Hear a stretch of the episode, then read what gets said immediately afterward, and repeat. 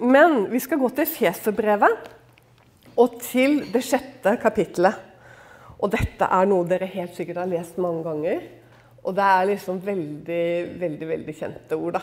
Og det er om denne herre Hva skal du si? Eh, kledningen og rådene fra Paulus. Fordi han minner oss om. Sant? Og det tenker jeg det er viktig at vi blir minnet om, alle sammen. At vi står ikke i en kamp mot kjøtt og blod, men vi står i en helt annen kamp. Og Nå skal jeg lese det sånn som Paulus sier det.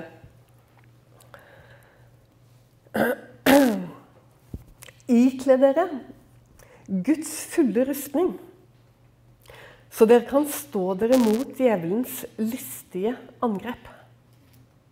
For vi har ikke kamp mot blod og kjøtt, men mot makter, mot myndigheter, mot verdens herrer i dette mørket. Det er ganske voldsomt. Mot ondskapens ånde her i himmelrommet. Ta derfor Guds fulle rustning på, så dere kan gjøre motstand på den onde dag og stå etter å ha overvunnet alt. Så stå da omgjort om deres lend med sannhet, og ikledd rettferdighetens brynje, og ombundet på føttene med den ferdighet til kamp som fredens evangelium gir. Og grip foruten alt dette troens skjold, hvormed dere skal kunne slukke alle den åndes brennende piler. Og ta frelsens hjelm og åndens sverd, som er Guds ord, idet dere til enhver tid ber i ånden med all bønn og påkallelse, og er årvåkne deri med all vedholdenhet og bønn for alle de hellige. Og så er jo Paulus så søt, og så sier han 'og også for meg'. og da ligner han litt på meg. sånn, sånn. Og man kjenner jo det når man står litt sånn i fronten, hvor avhengig man blir av bønn. Altså. Og hvor mange ganger disse her takknemlige tankene mine går til mennesker som ber. Det, det, det er ikke Jeg takker eh, sann Gud for at han minner mennesker på å be. For det er jo selvfølgelig en kamp. Og det er det for oss alle. Men jeg tror også det at når du, man stiller seg liksom litt sånn Ja, når du virker, da, på en måte og, og går litt i, i, i, front, og spesielt med ordet, så, så får man jo også eh, kjenne litt. Men Gud er trofast. Takk og lov. Dere, jeg må bare si, for det er mange ganger når jeg ser for meg denne her eh, kledningen som Paulus ber oss om å ta på oss, denne rustningen så, så har jeg mange ganger tenkt at jeg får sånn Saul og David-følelse. Altså når Saul skulle kle på David rustningen. Eh, følger dere meg litt? ikke sant? Han liksom tar min rustning på deg, sant? og liksom hele utstyret. Og David jeg liksom jeg skulle gjerne vært en flue på veggen og David sto der med denne her skranglete greiene. Og han sa 'jeg kan ikke gå med dette her'. ikke sant? Og noen ganger når jeg liksom har sett bilder av, av, eh, at vi tenker oss litt hvordan en Jesu Kristi stridsmann skal se liksom med hjelmen og skjoldet og sverdet og, og sånn. Og så tenker jeg eh, Det er en sannhet med, tror jeg, eh, store modifikasjoner. Her er det nødvendig å se hva Paulus mener når han sier rustning. Sant? Og vi vet jo det, men jeg hadde bare lyst til å nevne litt om det. Fordi denne rustningen altså, Han sier jo først Han gir oss to bilder. Han sier jo først at vi har ikke, vi har ikke en kamp mot kjøtt og blod. Sant? Men den romerske rustningen som på en måte kommer litt sånn på stell her, som vi i hvert fall kan få en følelse av, eh, det var jo helt klart noe som var gitt nettopp for eh, den som er i kamp mot kjøtt og blod. Da var det helt avhengig med hjelmen. ikke sant? Du hadde brynjen, du hadde sverd, du ikke sant? Du hadde skjoldet. Du var klar til kamp. Og ikke minst så hadde du disse romerske skoene, soldat, som var kjent, liksom. Eh, disse kraftige sandalene som gjorde at romerne kunne gå i timevis eh, fordi de var eh, sånn en suksess. Men så sier han vi har ikke en kamp mot kjøtt og blod. Og så kommer han med, en, han kommer med noe helt annet. som er vår kledning. Vår kledning er ikke en rustning. Vår kledning er noe helt annet. Og egentlig, når jeg leser dette, så ser jeg, altså, ser kanskje like mye altså Jeg skjønner jo at han bruker rustningen, men det gjør han jo for å lage en motbilde. Altså Han bruker den romerske rustningen for å lage et motbilde for oss. Vi har ikke en kamp mot kjøtt og blod. Så, så bruker han det som et motbilde. Men nå skal jeg fortelle deg hvordan vi skal kle oss. Nå skal du høre hvordan vi må være kledd. Og så begynner han litt underlig. Fordi han begynner med belte. altså, han begynner med å, å, si at vi må ta på oss Vi må ta det her sånn som det står. Stå da, sier han i det 14. verset. Omgjort, står det i min gamle 30-oversettelse. Stå omgjort om deres lend, altså livet, med sannhet. Altså det første, han, eh, det første han ber oss om, da, er å ta på oss eh, beltet. Altså stå ombundet med dette beltet av sannhet. Og det er jo litt underlig, for hvis du tenker på en påkledningsprosess Det er jo ikke det første du tenker på å ta på deg om morgenen, er det det? Det er liksom ikke beltet du henter ut av skapet, og så snapper du det på deg, liksom. Eh, og du vet, i Bibelen er ingenting tilfeldig. Sant? Så det er jo ikke sånn at han liksom bare tar det litt sånn her eh, sant? Ja, belte først. Nei, det er fordi sannheten er det han er ute etter. Sannheten må være først. Og da ble jeg minnet når jeg fikk dette ordet til dere, så ble jeg minnet om noe som jeg egentlig aldri har tatt den koblingen før. Og det er Jeremia 13. Fordi at der, Og jeg spør om ikke jeg har Paulus med meg her. altså, for Paulus han tar jo bare fra Gammeltestamentet hele tiden. Og det er jo, hva er det Gammeltestamentet? Det er de hellige skrifter. Når Paulus snakker om de hellige skrifter, så er det alltid Det gamle testamentet. For det fantes ikke noe Nytestamentet når, eh, når Paulus det, det, visste dere jo. Men, er, men, noen ganger så er det litt ok så blir litt sånn eh, minnet om det. Fordi vi har det, vi snakker så ofte Gamle testamentet, ikke sant? og så er det liksom sånn Ja, det er ikke så viktig. Skal vi se. Og da, du, så jeg vil jeg bare lese for deg. Eh, fra første verset der, sånn i 13. kapittel. Så sa Herren til meg Gå og kjøp deg et lerretsbelte og legg det om dine lender. Men la det ikke komme i vann. Og jeg kjøpte beltet etter Herrens ord og la det om mine lender. Og Herrens ord kom til meg annen gang, og det lød slik.: Ta det beltet du kjøpte, det som er om dine lender, og stå opp og gå til Eufrat, og skjul det der i en bergkløft. Og jeg gikk og skjulte det ved Eufrat, som Herren hadde befalt meg. Og lang tid efter sa Herren til meg, Stå opp, gå til Eufrat, og hent derfra det beltet som jeg bød deg å skjule der. Og jeg gikk til Eufrat og gravde og tok beltet fra det sted hvor jeg hadde skjult det. Og se, beltet var ødelagt.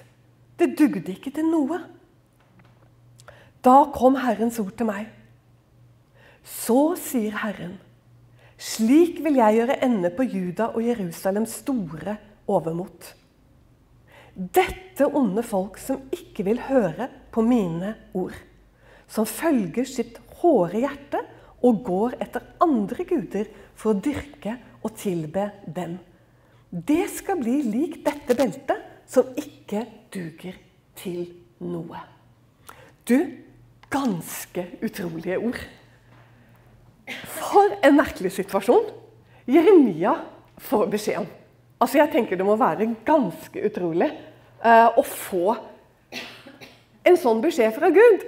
Først skal du liksom ta på deg beltet, skal du gå med det, og så skal du dra til Eufrat, og så skal du grave det ned. Og så står det at etter lang tid så kommer Herrens ord og sier nå kan du gå og grave opp igjen det beltet. Og jeg tenker liksom Hallo, Gud, hva er det du driver med? Altså, sette, Prøv å sette meg litt inn i Jeremias situasjon. da. Og Så graver han opp, og der finner han bare et uh, belte som var av lin. ikke sant? Det er lerret, det er jo ikke rart det etter lang tid var ødelagt. Og selvfølgelig ødelagt. Dugde ikke til noen ting. Og så kommer det. Hvorfor i alle dager holdt han på med det? Jo, han sier det. At Israel har forlatt mitt ord. Og da duger det ikke til noen ting. Og det er jo dette som er inngangen til Efeserbrevet 6 og denne kledningen eller rustningen. Derfor må sannhetsbeltet være på plass. Guds ord må være på plass.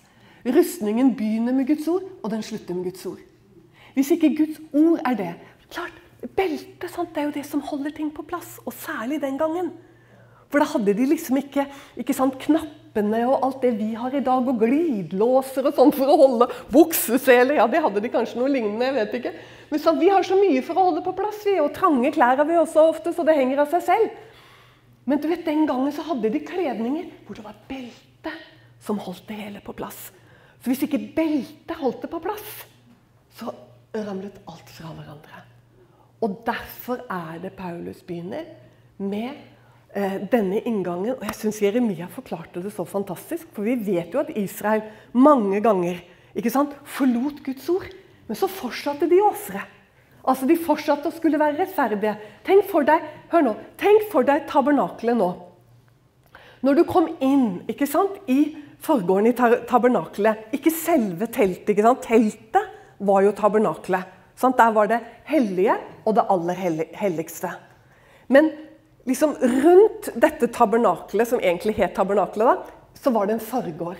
Og når du kom inn i den forgården, der kunne bare prestene gå inn så var det først et alter.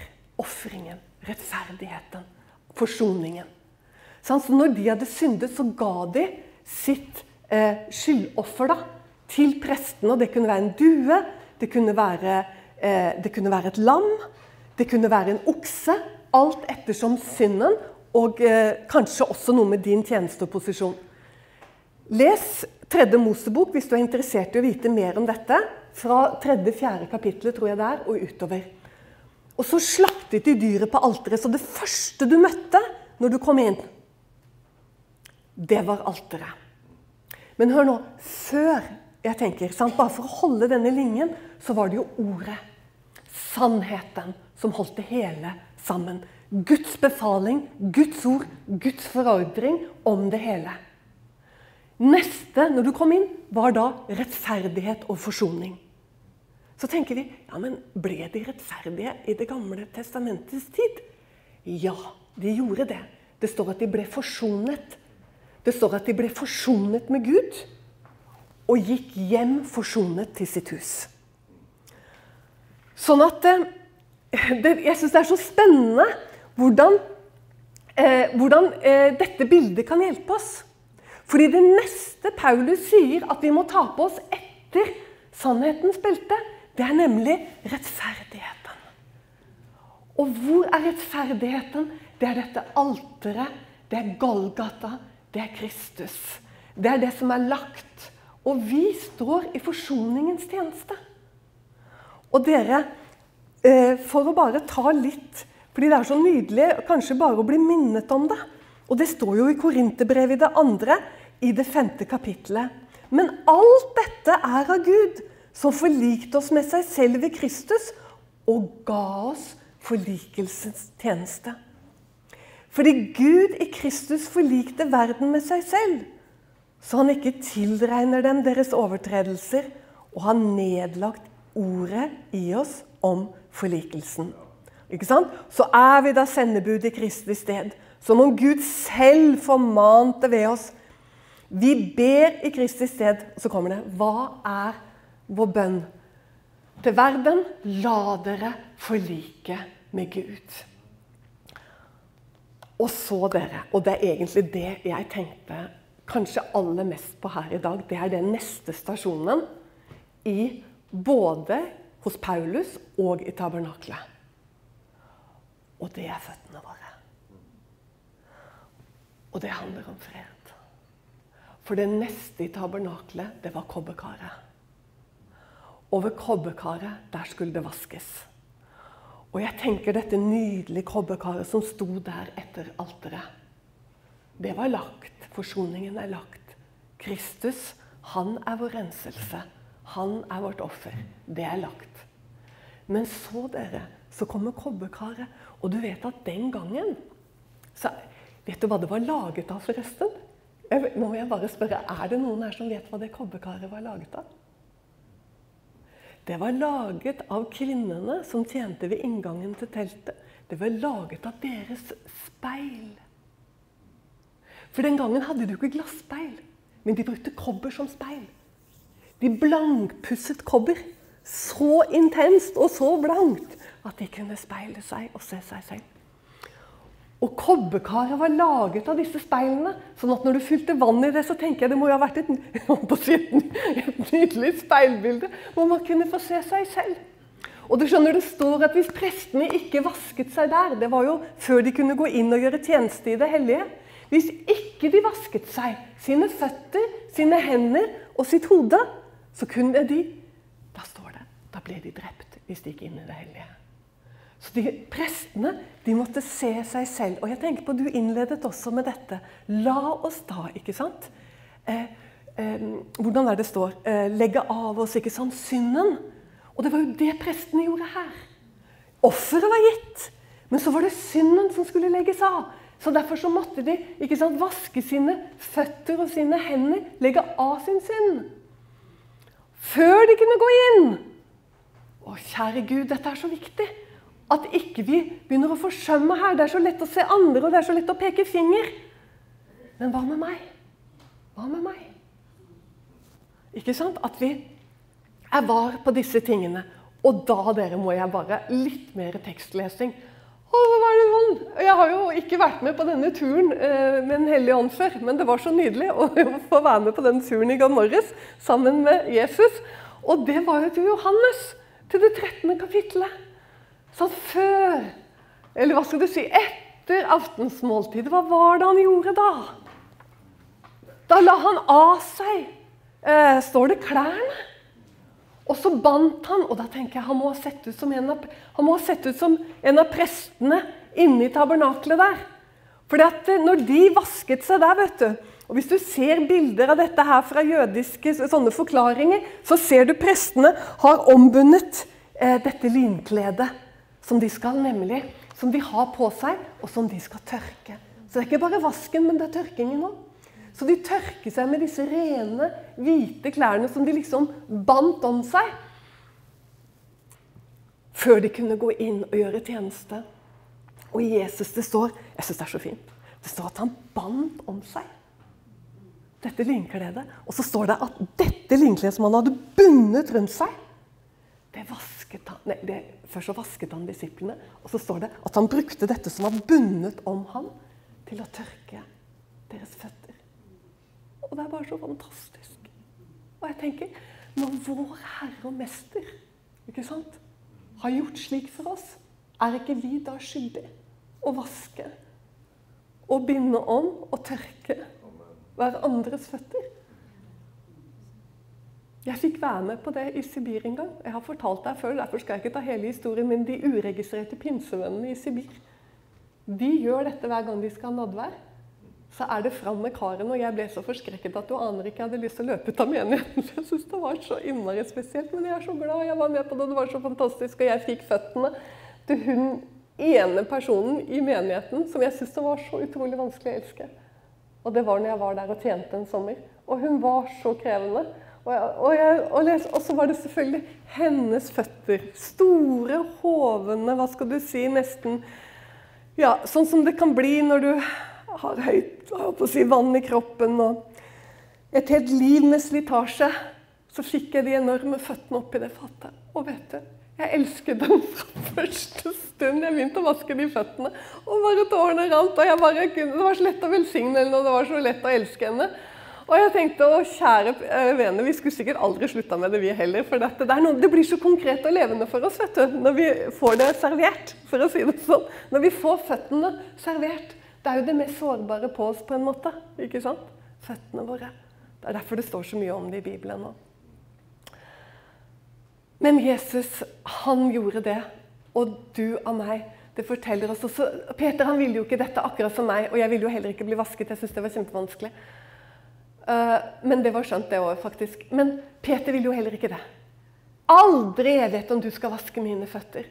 Og så sier Jesus, Peter, om ikke jeg vasker dine føtter Og du, han binder Peter til seg. Hva? Om ikke jeg vasker dine føtter, Peter, så har du ikke del i meg. Sant? Og det er jo dette, hva?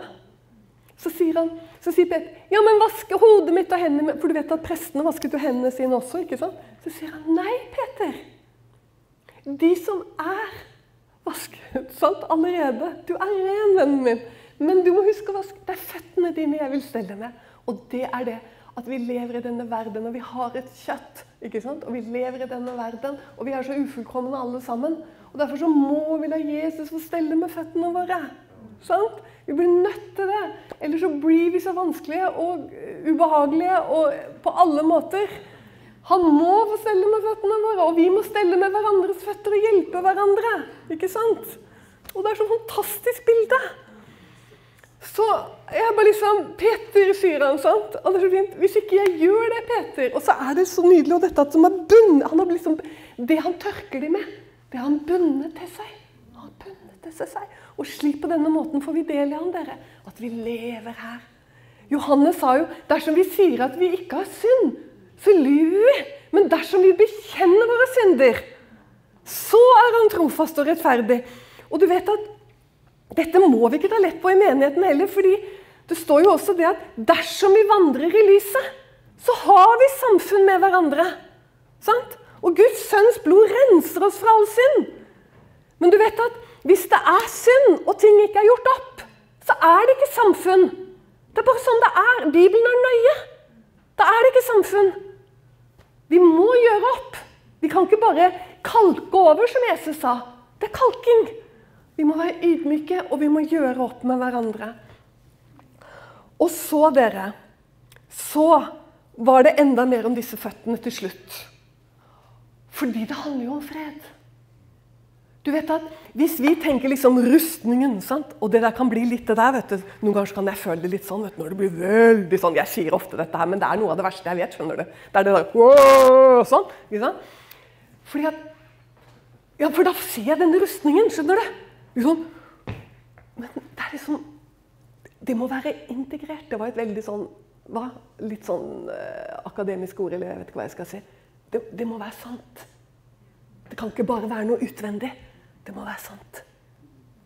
Så, så, vi må ikke være sånne kristne som går rundt i sånne skranglete rustninger. Jeg gjør heller som David. altså. Jeg tenker Jesus sendte ut disiplene uten sko på beina, og han gjorde det. Det er ikke tull, det er ikke symbolsk. Han gjorde det. Han sendte det uten sko på beina. Og uten ekstra kappe, og uten matpakke og uten penger i beltet. Ingenting. For at de skulle få oppleve hans ufattelige omsorg, hans ufattelige nåde, hans ufattelige godhet. Hvordan han verner oss og beskytter oss og elsker oss og bærer oss. La oss ikke være noen går rundt og er noe sånn høy på pæra. Og liksom sånn. Og så blir det så utvendig, alt sammen. For det er ikke noe sannhet inni her. Sånn, vi, sånn vil ikke jeg være. Gud hjelpe meg at jeg ikke er sånn. Dere, så, for det Å forstå i fred er det viktigste i mitt liv. Vi må forstå i fred. For hvis freden forsvinner oss, fra oss, og det gjør det jo innimellom når vi blir redde, og sånn, det er ikke det jeg mener. Vi kan bli redde alle sammen, og jeg er fryktelig pysete. Jeg er den første til å liksom sant? Får noen kraftige bivirkninger av eh, vaksine, så, så, du liksom ikke greier å gå på toalettet omtrent. Så, så, var det veldig hyggelig at Liv tok kontakt akkurat da. Og angående møtet her, så kunne jeg si Liv, eh, gjerne be en liten bønn for meg òg. Jeg er ikke noe tøffing, men jeg må, få, jeg må stå i fred. Jeg må vite at jeg er fred. At jeg ikke har noe uoppgjort. At jeg ikke har står i noe eh, hvor jeg ikke har gjort min del. Dere, så var det Salme 18 som jeg måtte ta til slutt. Eh, Liv, får jeg bare to minutter til? Det er bra. Det er så godt å få den der eh, backingen på sidelinjen, for da føler man seg ikke så Jeg liksom vet ikke om formiddagsmøter er sånn at man liksom skal ikke, ikke bruke så mye tid, liksom. Jo, det er bare så bra. Du, for dette er jo også en rustning, salmatten. For her er det jo også David som forteller sånn om at Gud omgjør ham med styrke. Og gjør hans vei fri for støt. Og da tenker jeg Det er egentlig den prosessen vi har vært igjennom nå. Veien som er fri for støt. ikke sant? Som du har fått rydda. Du har fått vasket deg. Og så står det at han omgjør meg med styrke. Å, det er så fantastisk det David skriver her, hva? Så sier han det er en Gud som omgjør meg med kraft og gjør min vei fri for støt. Og så kommer det som gir meg føtter. Her har du det. Her har du det. Det går på føttene. Denne freden som gir meg føtter liksom hindrende og stiller meg på mine høyder. Dere vet hva en hind er? Vet alle hva en hind er? Det er en hunnhjort. Og jeg tenker at det må være, siden det er Israel som er landskapet her, så må det være David. vet du, Han levde jo i Engedi i mange år og så disse herre stenbokhindene, stenbukkhindene. Og jeg har bare fascinert meg så mange ganger av dem. Fordi at når jeg har gått ned i disse her canyonene, med klipper på begge sider i Israel med grupper, og så har jeg sett disse hindene, helt plutselig så ser du opp, kanskje 80 meter opp i luften. Jeg vet ikke, det er vanskelig å si sånt. Kanskje er det 100 meter opp. Der går det en hind. Og du aner ikke åssen den har kommet dit. Er, sånn ser det ut. Og du kan ikke se hva den går på, men den går der oppe med en liten killing. Der går den. Og så tenker jeg, hør, kjære venner, han har gitt oss føtter som hinden. Altså, vi kan gå i all slags landskap. Og det nydelige er jo at disse her hindene fins jo ikke bare der oppe når det, mener når det er skikkelig tøft. At han kan hjelpe oss å gå på steder hvor det ser helt umulig ut å gå. Men du vet at disse dyrene fins i alle slags landskaper. Så han har gitt oss føtter som kan gå i disse landskapene når vi står i hans rettferdighet, når vi står ombundet på føttene hva? med denne fred. Det er bare så nydelig. Til slutt Habakuk. For der er også hinden, og vi må bare La oss bare ta det til slutt, fordi at det er jo Der tenker jeg at han må ha feiret mange løvete fester, den gode Habakuk, altså, og lært seg å glede seg i Herren. For at maken til prøvelser Fikentreet springer ikke ut. Vintrærne bærer ikke. Jeg tenker på vår tid. Alt virker så gærent, alt virker så vanskelig. Gud, hvor går vi hen? Hva, hva skjer? Hva skjer med oss kristne etter hvert? Hvor hatet blir vi før du kommer og henter oss Jesus? Sånn, alle disse tankene. Fikentreet springer ikke ut, vintrærne bærer ikke, oljetreets frukt slår feil, og markene gir ingen føde.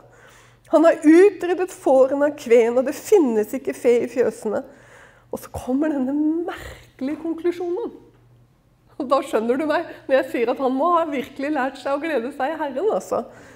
Han står i Guds rustning og fred, men jeg vil fryde meg i Herren. Jeg vil juble i min frelses Gud. Herren Israels Gud er min kraft, og han gjør mine føtter som hindene. Er det ikke herlig? Hva? Han står under så vanskelige forhold, og så sier han Og du lar meg skride fram. Og det er jo akkurat det de gjør. Over mine høyder, står det. Jeg har stått og sett på de hindene, og så plutselig så bare skrider de fram. Der hvor det ikke er noen vei. Der hvor det ikke er noen sti. De bare går på. Og de hopper, og de spretter, og de finner vei. Halleluja! For en Gud vi har! Han har gitt oss den kledning som vi skal ha på oss. Og da kan du bare gripe troens skjold. Du kan gripe åndens sverd, som det sluttes med. Det begynner å slutte med Guds ord. Og du kan ta på deg frelsens hjelm.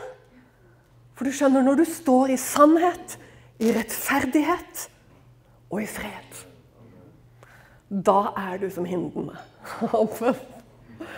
Gud velsigne dere alle sammen. Vi løfter hodene. Jeg hadde en åndelig mamma en gang. Hun sa bestandig bare til meg, særlig hvis jeg klagde og jeg syntes ting var vanskelig, så sa hun akkurat som du sa her tidlig.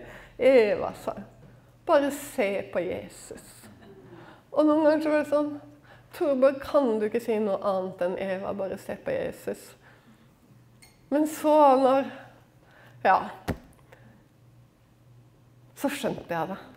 Det er virkelig sånn. Se på Jesus. Og det er å se i Guds ord og lære å kjenne ham mer og mer og elske ham mer og mer. Amen.